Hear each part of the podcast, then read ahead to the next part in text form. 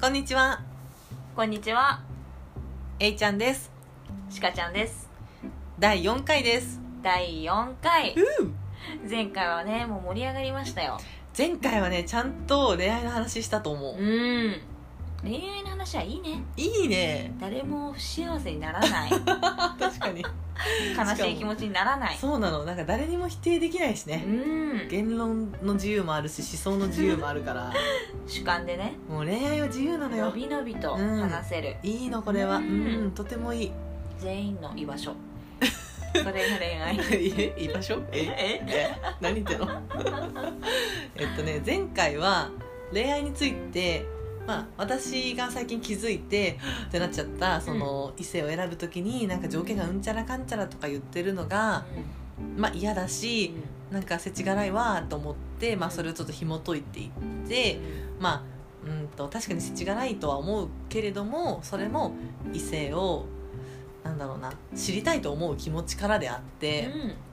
まあ、そんな悪いものではないん。はい。から一緒に頑張ろうっていうそうですねまあ、そこまで言ってないと思うんだけ前ど向きに。頑張ろうまでは言ってないんだけ言どまあそういう感じのちゃんとこう問題があったんですけど、はい。今回はやや特別編ということで、はい。ただただキュンキュンするだけの話よ待ってましたやりたかったねやりたかった、この。やりたかったただひたすらに自分の好き嫌いをうん言ってベラベラとベラベラと言って突っ込みまくるっていう、ケラケラ至するという極の今日はもうねハッピータイムですハこれッはピータイムハッピーアワええええこれハッピーアワーですーはいええ、お酒はどこにあるんですかないかなないかなちょっとね、うんうんおそう酒なのはなしででもお酒でもこれはもうシラフでい、行きましシょうラフでどこまでできるかというねそれがええもう私たちのクオリティだからええええええええこれはもう突き抜けてやりましょう突き抜けてやりましょえう、えはい、ええええええ三というわけで本フィートええあああええ4よし回目はいはいで今日はねあのキュンキュンする話題を結構用意してるかはいらうんあのー最初の話題ねちょっと聞いたところによるとこうんう細々とした話題がこう何個か出てくるという噂もありますがあそうなのあのね今ちょっと私たちの目の前にはいあのこれ話したいねっていうキュンキュンリストがあるんですけ ど例えばね、えー何フェチですか フェティシズムをはい問うあのーまあ本来の意味でやっちゃうとちょっと大変なことになるので、ええええあのもうあの日そう本でですいわゆるそ一うです般的に言われてそう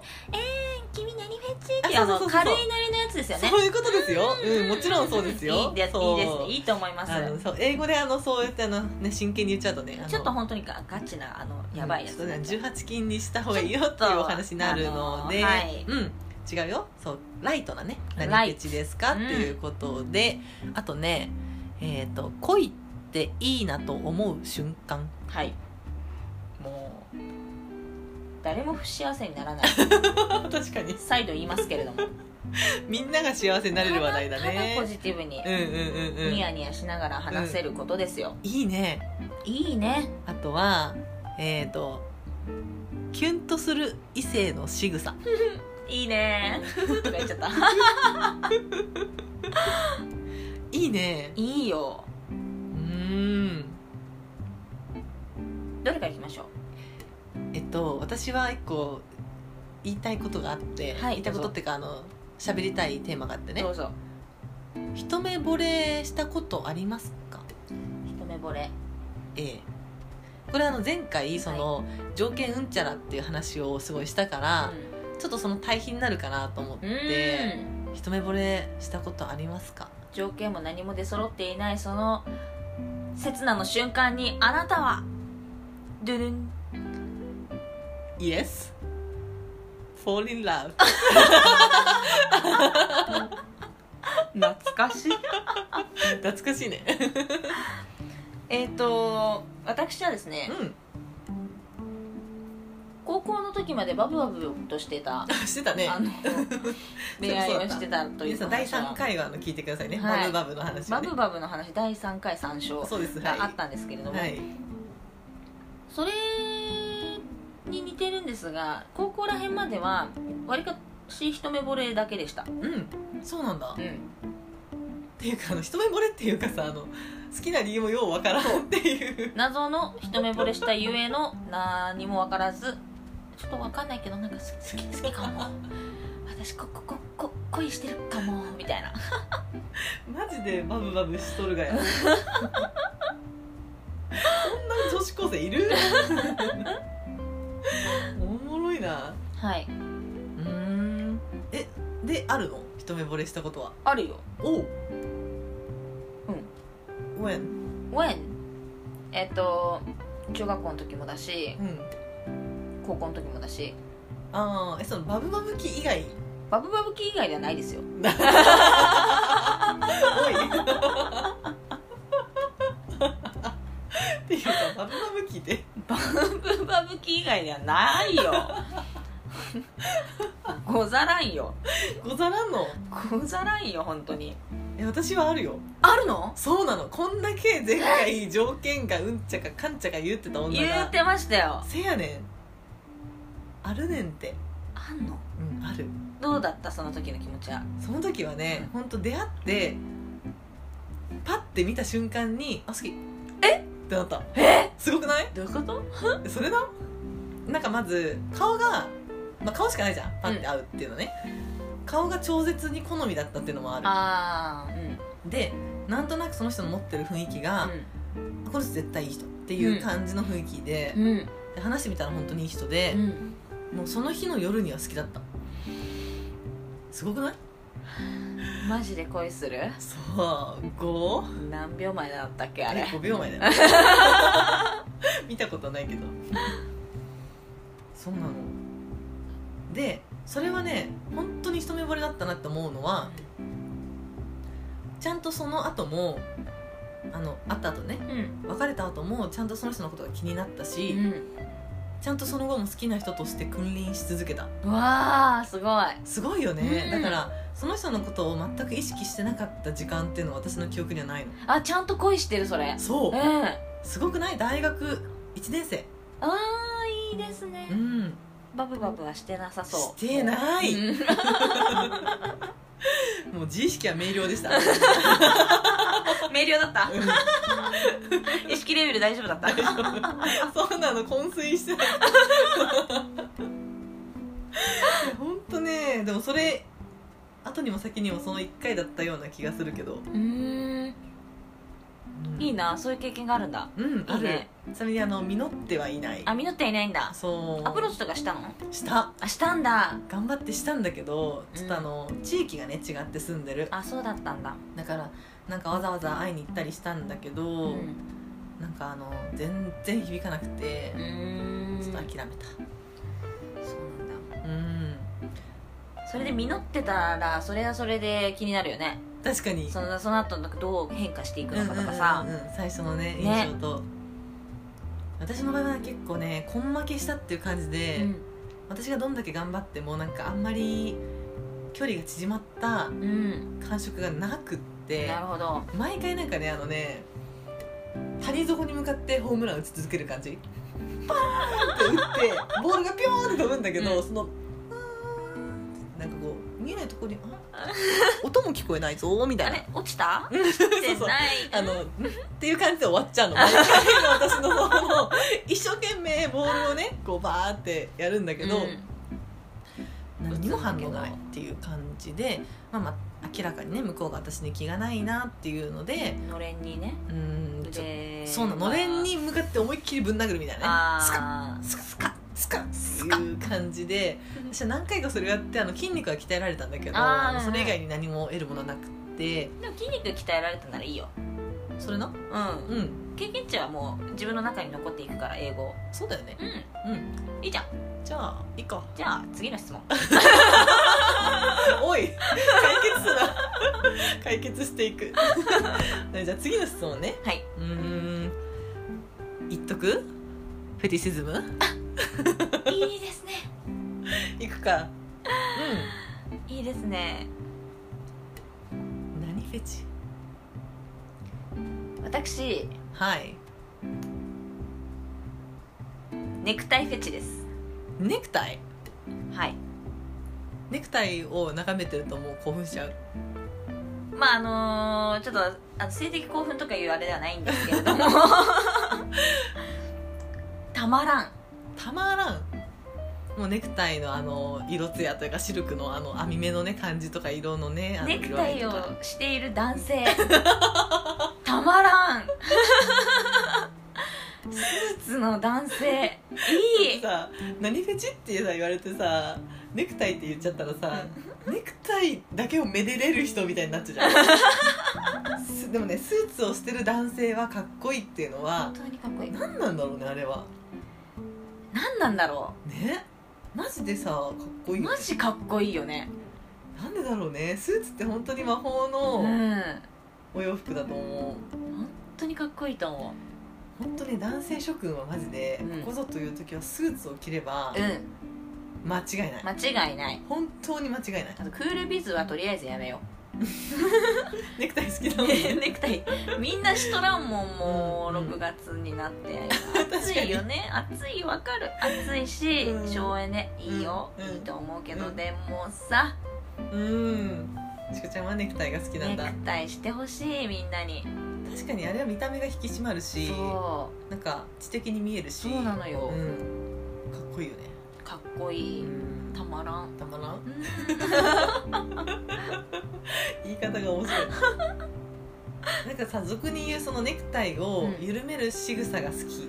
これはいかがですかええこれはもうあの後ほどたっぷり とたっぷりといやそんなにしゃ嘘です嘘いいよいやいいよもうねうんたまらんたまらんそのためにネクタイが存在しネクタイのために男性が存在しているので 嘘やろもうネクタイを着た男性は私の目の前に1回5秒ぐらい立ち止まってネクタイを緩めるということをすればも ういいもういいよそれでいい世の中はそれでいい世の中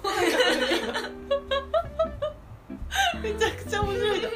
んいかなる男性でもいかなる男性でもうネクタイをして仕方の前に立ち止まってこれ見よがしに緩めていただければそうそれでもう世の中はいいもうたまらんたまらん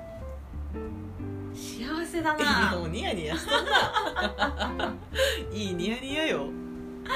いやーしてほしいな誰かにわかるネクタイをするのは自分がしてあげるのしてあげるのは、うんえちょっと恥ずかしいからなんでやねんち距離が近いかちゃんのね恥ずかしいのの基準マジで世界七不思 議面白い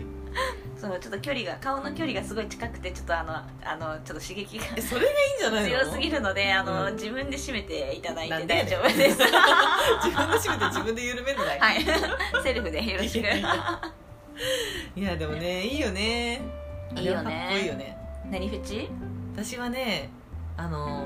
ー背中かなって最近思ったうん、うんなんかパッてこうさ後ろ見た時に肩幅があって、うんそこら辺の筋肉がすごいしっかりしていてう、んなんていうのなんかこの肩の下の筋肉というかこの肩甲骨あたりのあそうですそうですそおこら辺の筋肉などがしっかりしていらっしゃるお、と、うとても良いあ筋肉が好きだな全体的にん、、ああそうなんだうん、腹筋も好きだしおおでうっすらこう筋肉のつき方が分かるようなぐらいついてるぐらいがういんい、良いえついてればついてるほどいいのどっいちやそれはねないあのそうなんだボディビルみたいなのがあのすごく好きだってわけではないんだけど、うんちゃんとこうなんかあのうっすら筋肉が分かってうん、うんうんあのちょっと贅肉が少なめの方うんが、うんうんうわーかっこいいってなってしまうおーちなみに私自身もそういった体になりたいと思っているからあー筋肉がねそっあかうんるだからもうそれに関して正直あれだ女の人でうもんいい、あ女の人がちゃんと引き締まっていて、ーうん腹筋とかうっすらあるみたいなのも美しさとしてうわーっていう同じへー反応になっちゃうからなるほどうん人間の目で見て体としてめでれるめでれる筋肉はいいいやでも筋肉でちょっと汗ばんでるのとか結構好きかも汗ばんでる筋肉あのうんー、コロナでうんジョギングする人増えたですあよ増えねた増えた、はいよくいる 見ちゃうけどマジか分からんでもなあでいもねでもねそれは分からんでもない、見ちゃうちょっと信号待ちの時のあちょっといいじゃんっていやわかるわ わかるよね、見ちゃうもんねちょっと見ちゃうね見ちゃううんなんなんやろねやっぱ筋肉フェチ色気が漏れてんのかね漏れてんのかな,、なんかあとはなんかたくましさみたいなことも感じるよね男らしさみたいな、うんうんうんあとはなんかその贅肉がないっていうのは、うんやっぱ節制ができているということだから、うんもはやその体は生活習慣を物語っているうんうんだから私は結構しっかりした人が好きだからうん筋肉で生活習慣がわかるから そういう生活習 慣を意味でも見見ちゃうるためのスコープとしての筋肉そうなんだよねそういった意味もあるねなるほどね、だから逆にすごくこう贅肉がいっぱいついてる人は「えどうしちゃったの?」っていう感じでそのおな腹るほペどチペチしてあげ たくなる、うんどうしたのこれっていう感じ怖いよ確かに怖え自分もねちょっと気をつけんといかんうんそうえー、キュンとする異性の仕草そのさっきのネクタイの話はい詳しくしてもらおうじゃないのいやもう詳しく言うも何ももう指をできれば人差し指がいいですね人差し指を、 えーこのネクタイの結び目のところにこうクイッとかけていただいてかけていただいてステップで、 1はい、ネクタイのなんていうんですかあれナットっていうんですか、うんうんうんあのうん結び目の結び目のことうんをうんうん手全体で覆うようにしていただいて、グッとガシッと掴んだ後に、うんちょっとだるそうな顔でだるそうな顔右左にこうキュッキュッと。うんやっていただいてい徐ただ々いにて徐々にネクタイを緩めるのがもう緩めるたまあーあーあー これはねあのめっちゃわかるわかるよねわかるうんたまらんよねあれたまらんあなんされたらもうどうする なんすればいいなんだろうなんかスローモーションに見えるもんねそ多分なんかそれを見てる時の自分めっちゃア ホ面だなって今思っちゃった口開いちゃうかもしれないあーっていううはーってなっちゃううんあプライベートに戻る瞬間がああそうだねするのかなそうだねそうだねそれはあるねそう象徴的だもんねそうだよネねクタイを緩めるといううのんは、こうお外の戦闘体制から、うん終わりましてプライベートに戻ってきた時にする仕草うんうん自分の内輪感が出るのかなうんうんうんその嬉しさもあるなんかうん全員の前で絶対しないじゃんそうだねそのすごい限られたシチュエーションでしかしないから、それが単純に嬉しい、うんうんうんすごいあるねそれうんはそううだねん恋愛対象じゃなくてもすごいいいなって思う、そのあー例えば飲み会の席でうんキュッキュッとあ確かにね嬉しいよね仲間として嬉しいそうそうそうそうんれは緩められるとそはわかるうんうんうんめっちゃわかるうん、うん、確かにそれはすごいね想像できた今、うねんえそういうのの象徴でもあるよねネクそうタイはだねね仲間って感じするよじねうんうんうんうんうんとても良いちょうん A ちゃんはっと待ってね考えてくれなかったな うーんそれこそ筋肉とかでさ、うん好きな筋肉の部位とかはないのそれもなんか背中全体とあと腕だね、うん腕なんだ腕と手手そう手あ手がね、うんあのフェチでもあるかもしれないなんか手がゴツゴツしてて、ちょっとでっかいうんうんみたいな、うんちょっと血管浮きでがち、ほうほうほうほうほうなあわかるかも節々がちょっと節々してる感じあそうなのクシクシしてる 感じふしふししてるあ感じれいいよねかっあーこいいよねいいよねマジ我々しか得しない我々得なラジオあれいいよねあれいいよねなんか私ね自分の手が結構でっかいのうんうんでなんか指も細長い長くてねそうなんですで結構本当に男の子とうん手を比べた時にも同じくらいの大きさとかもう下手したら私の方が手大きいみたいなこともまれにあるし、うんだからこそなんかこう自分にはない男らしさを持っている人結構好きうで、んなんかこう、まあ、自分と同じような手うんの異性にあんまりときめかないかもしれんおーもうちょっとなんかそのふしふししてる手の方うんが、うんあ自分とは違って男性なんだなっていうのがう分かるから結構好きだね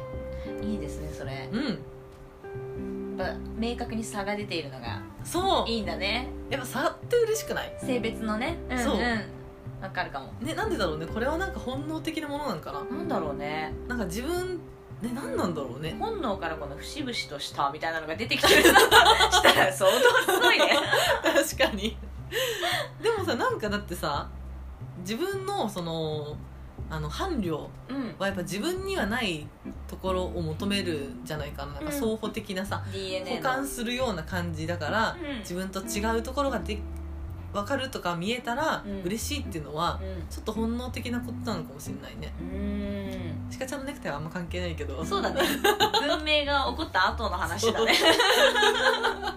マジで文明の生んだ最良の、ネクタイ何のためにしてるかよくわからんしねそれそ考れえね、うん、そうなのよそもそもあの輪っか何っていうお話だからさそうだね、うんうん、で好きな仕草なんだっけえっとで好きな仕草がちょっと分かんなかったんだよねうーん髪の毛をうん無造作にうん拭く服拭くお風呂上がりにあのタオルでワシャワシャってあそあそれもいいうあれいいよねあれいいあれいいよねめっちゃいいなんか犬みたいじゃないしかも自分しか見れないよ大抵の人って確かにしかもなんかそれはさあのうちらはさ髪の毛バシャバシャやること絶対ないじゃんないねもういややるけどそんなさ、うんあんななんかもう前後にさそうなんかもう顔から首の下までガーンガーンっていう行き来するあの動作絶対やらないじゃん、ない髪の毛傷むし傷むし長いしうあれを無造作にやってポイってこうなんかいる感じがんわ、かるとても良い髪の毛濡れた人相当好き私あ本当うんどんくらい好きえネクタイよりは好きじゃないネクタイ強すぎやろなんかさあの犬とかもさ、う犬泳いだ後さ、んうん飼い主がさワシャワシャワシャって全身拭くじゃんあんな感じがして、私結構犬犬みたいな人が好きだかうら、んガシャガシャガシャっうんて、うん犬を拭くかのように うん拭い拭きたいいいいいよいねいいいうんしかちゃんは犬みたいな人が好き猫みたいな人が好きうわー犬みたいな人が好きあーなんでえなんか猫みたいにプイってこうツンってしてて私がご機嫌を取りに行くみたいなのより私も犬キスあるからその尻尾振り合ってうん ドタドタドタドタドタって家の中、ま、あの走り回る一緒にみたいな一緒に 収集つかねそういうのでいいえあーでも楽しいよね、うんそういうのねとてもあの表情豊かだしねうんうん、犬の方がうん、犬の方があそっかそっかそっかそっそかんな風な気がするうんうんうんううんん確かになんか猫をその私猫タイプとうまくやっていけないかもしれないかもしれないうんなんかそうだね、まあ、犬タイプと猫タイプっていうのはそもそもどういう人ですかっていう話 が確かにあるけど、まあ、なんとなくのねフィーリングで言ってるけど、まあ、私はそういうあのお風呂上がりにあのバスタオルで髪の毛バシャバシャしてるところが好きだなうんうんうん、うんいいねいいねいいよお風呂上がりの男性ってなんであんなに色っぽいんだろうねとても色っぽい、ううんん、あれはねずるいよねあれはずるいよねなんかドラマとかでもさ、ねとか CM とかでも出てくるそうよねなんかこれ見よがしにさ出てくるよそねうなんだ よ分かってるななんちゃであんんなとにいやそういうことかうんマーケティング見せとるんやししとるさっかりもう私たちはマーケティングされているれとったわ、えええええええええいやーいいね幸せな想像やなうんでは次ね、はい恋っていいなと思う瞬間えおーはい私これねほぼないんだよねえ ちょっと固まんないでくんないいやほぼないっていうかはいあのさっきちょっと考えてみた時に、はいあの恋するとさ、うん人はやっぱさあのちょっとおかしくなっちゃうとこあるじゃんはい、あのすごい考え事したりとかさ、うんぼーっとしたりとかさなんか集中できないとかさうん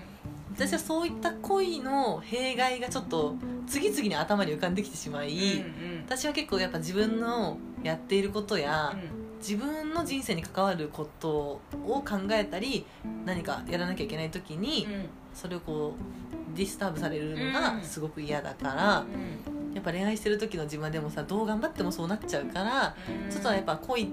やっぱああいいと頑張んねってなんか思っちゃって どんなんやねんと思ったけど、うんいいなと思う瞬間は逆にそれが自分のバネになって、うんすっごい頑張ったりとかそうだよね例えばなんか私好きな人ができると、うんランニングの距離があの2マイルぐらい増えるっていうそれを考え事をするという意味あもうねあの頑張りたいっていうあそうなんだもっと鍛えたいみたいなふうになってかわいいなんかいつもだったらそこのあのなんだろう交差点で曲がるところを曲がらずにうんそのまままっすぐ行き続けて次の次の次の次の次の信号で 帰ってくるみたどいんなだけ行くの結構行く結構行くやん そうなのっええていうことになっちゃったりするから、うんそういうふうにプラスに働く時はこう言っていいなって思ううーんえめっちゃいいよくないそれうんめっちゃプラスじゃんそう自分にプラスになってる時はいい自分にマイナスになってる時は嫌だ至極簡単な簡単話だね至極簡単そうもしかは私はですねあの非常に何も考えていないあの猿みたいな脳みそで申し訳ないんですけれどもあの急に去る急に猿なんだけどあのえっとね幸せホルモンというものをご存知ですか Oh yeah あおいえオキシトシンというものがございましていやオキシトシン出てんなーって思う時めっちゃ好き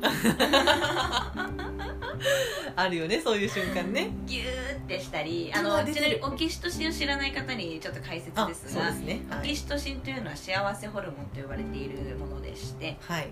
あのいわゆる一般的にはまあ恋人同士とハグをしたりチューをしたりこう手をつないだりグルーミング的なうん肌が触れ合ったりうんであとは犬とかペットとかを抱っこしたりしても出ますしっていうこう触れ合いから生まれる幸せホルモンと呼ばれてるんですけれども、まあ出るそれはあの出る気がするってことだよね出ていると思われるうんと思われるんそう今出ているっていう今今今ですって なる今でしょではない今です今です今です今出ています今ええええ Now 出てますうんって思う瞬間かなうんそれはでも単純にあの幸せ物質出てるから幸せっていうことよねそうかもしれない、それはもう必然の断りだうんうんそういいねあとはもうなんかいきなり知能指数が、うんね、4ぐらいになるじゃん 4 IQ4 ね IQ4 ぐらいになっちゃうどかうやらっ、たら IQ4 になるのかっていうお話やけどうもんう、ねうん何も考えないでただ感情にうん赴くままにうん一緒にいたいなーってうん思うといううんなんでって言われても「えーでも私知能指数4だからわかんない」 そういう感じのマジ急に IQ4 でもそういう時あるよねうん本当に面白いよね面白いだってこのさ成熟しきったさ資本主義社会でようん我々のようなねその20代前半後半、うん30代前半の女子がええ 30代がさその IQ4 になる時ってさないじゃんないよ普段恋愛の他においてないよないようんなんで恋愛で IQ4 になっちゃうんだろうね何なんだろうね何なんだろう本当不思議だわ恋愛ってだってさ絶対考えてもしょうがないこと考えたりするやんうん普段だったらさもうなんかいやこれは今考えるべきだから考えるこれは考えても仕方がないから考えないうんとかねなんかそうそなれるよこそちかちゃんがよく言うコントローラブルとアンコントローラブルうんのものにちゃんと分けてさ考えるべきものだけをえりすぐって考えてるわけじゃないうんはいそれがもう IQ4 になった瞬間にもそうぶっ飛ぶからそうれぶっ飛ぶからマジであのね考えても仕方ないことしか考えない、うんそうなの、よ本当たにかが外れちゃうねねねあれはマジで不思議うんうんぼーっとするしねそうもう作業効率もめちゃめちゃ低下するしそうなんですうよんね、思考がもうあっちこっち行ってしまうよねうんダメ人間とかすそうなの私の場合はなんか結構ダメ人間と貸した時間の後に、はっってなって、うんもう自分の寮のほっぺたをもう右から左から引っ叩いてパンパパランーニンとングに行って体を鍛えるみたいな 結局体鍛えてる結局筋トレしてめっちゃ頑張るみたいなでそういうふうになんかこう自分のその恋愛の気持ちを消化できたこと時が、恋愛っていいなと思うしう、んなんかあの自分の生活も乱されないかうんら、うん私にとってはいい、ウィンウィンうん、ヘルシーだそうだねなんかね本当にそうなのあんまりねその恋愛で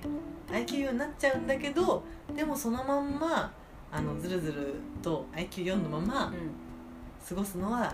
嫌だって思うんでうんうんね、うんうんどっかで理性がボーンって押跳ねのけるんだだそう抵抗抗うんだね抗うね抗っちゃうねだからダメなんかなダメっていうか大人になったんかなあーでもそれはとてもいい防御装置だよね制御されてる確かにうんだって実際 IQ4 になって困るもん困るよね 仕事できんみたいなねだよねそうちかちゃんは IQ になってどうなの IQ4 になってもでも、あの IQ になる確かに私も制御装置は働いているかも、うんもうなんか IQ4 みたいになって大丈夫な時とうん大丈夫じゃない時をさすがになんか分かってるらしく、IQ4 になった後普段 IQ50 ぐらいのところがなんか180ぐらいにこうバーンってなる瞬間でうんリカバリーするとか、そういう感じになる、うん、うん、何割りするってリカバリーあごめん もう滑舌悪い芸人だからもうすみませんちゃった私もなんなんとか割りするって言ってて何スイカ割りと思って何を割るんだろうリカバリーですリカバリーです失礼しましたもいやーそうだよねう、まあでも大人はみんなそっかだってさあの24時間一緒にいるわけじゃないんだしそうだねやっぱこう時をね置くとね冷めるしうん冷めていうかなんかあのオーバーヒートしてるものが通常の熱に戻るっていう意味のうん冷めるだしうーんまああちゃんと頭を使って仕事しなきゃいけないからねうんうんプライオリティはねうんきちんとうん整っているうんでもねなんか普通にさ会えない時とかさ寂しいなって思うじゃんうんでもそんなの会えないんだからしょうがないじゃんそああいう時な結構マジでさううん IQ4 になってうんだって泣いてもしょうがないし相手にそれ言ってもしょうがないし、うん何してもしょうがないんだよ、うん会えないから、ん遠距離の時とかうんもう物理的に不可能なのに、うん会いたいってなってしまって、もうただただ苦しいだけじゃんその状況ってあーだって絶対無理なことをめっちゃ強く望んでるわけだから確かにそんなに苦しい状況はないのにうんでもやっぱり望むっていうのはさ、うん自分でどうしようもできないことだからさ、うんうん勝手にそう思っちゃうしさうん本当不思議だよね恋愛ってそうだね私ポジティブな方の IQ4 だったけどねうんなんか同じ地球の上にいるわイエーイみた いな すごくない 急にそんなことになっちゃうのえー、なんかもう向こう何ヶ月も会えないのかしらあれでもこれ同じ地球の上にいるから やったーっていいでしょええかしら大体いけっしょ地球儀持ってきて、うんあ距離3センチいやあいけっしょ おいもう軽度がどんだけ違うと思ってる距離でもというわけでねちょっとう、うん、長くなってしまったけれどあそうでもすねはいそうなのちょっと楽楽しかったキャピキャピしちゃったやばいこれ世に出していいんかな幸せだもっうしょうがないたねこれは世に出せれるギリギリのラインをねギリギリだなは いかなりのギリギリを攻めちゃったけれどもそうだねでも楽しかった、うん楽しかった楽しいこういう時間はいいねうん、んとっても幸せうんというわけで、うん今回うん恋愛についてはいキャピキャピ編というこキとャでピねキャピとはい話させていただきましたえ教養の女はどこにえ行どっこたのに行っかたのかうんうんまあでも人生っていろいろだからさそうその生死について考えることもあるし、う恋愛についてキャピキャピする時もあるしん、IQ は4になる時もあるし IQ が180になる時もあるそう ねそれも全て人生そううんだからねまあ今回はちょっと違う側面の我々のお話はいでした考え方のお話でしたうんえ聞いてくださった方ありがとうござい ます聞いてくださったって言っちゃったさ あ聞いてくださった方ありがとうございましたありがとうございました、はい、えっと次回もまた、えー配信させていただきますお楽しみにありがとうございましたじゃあねバイバーイ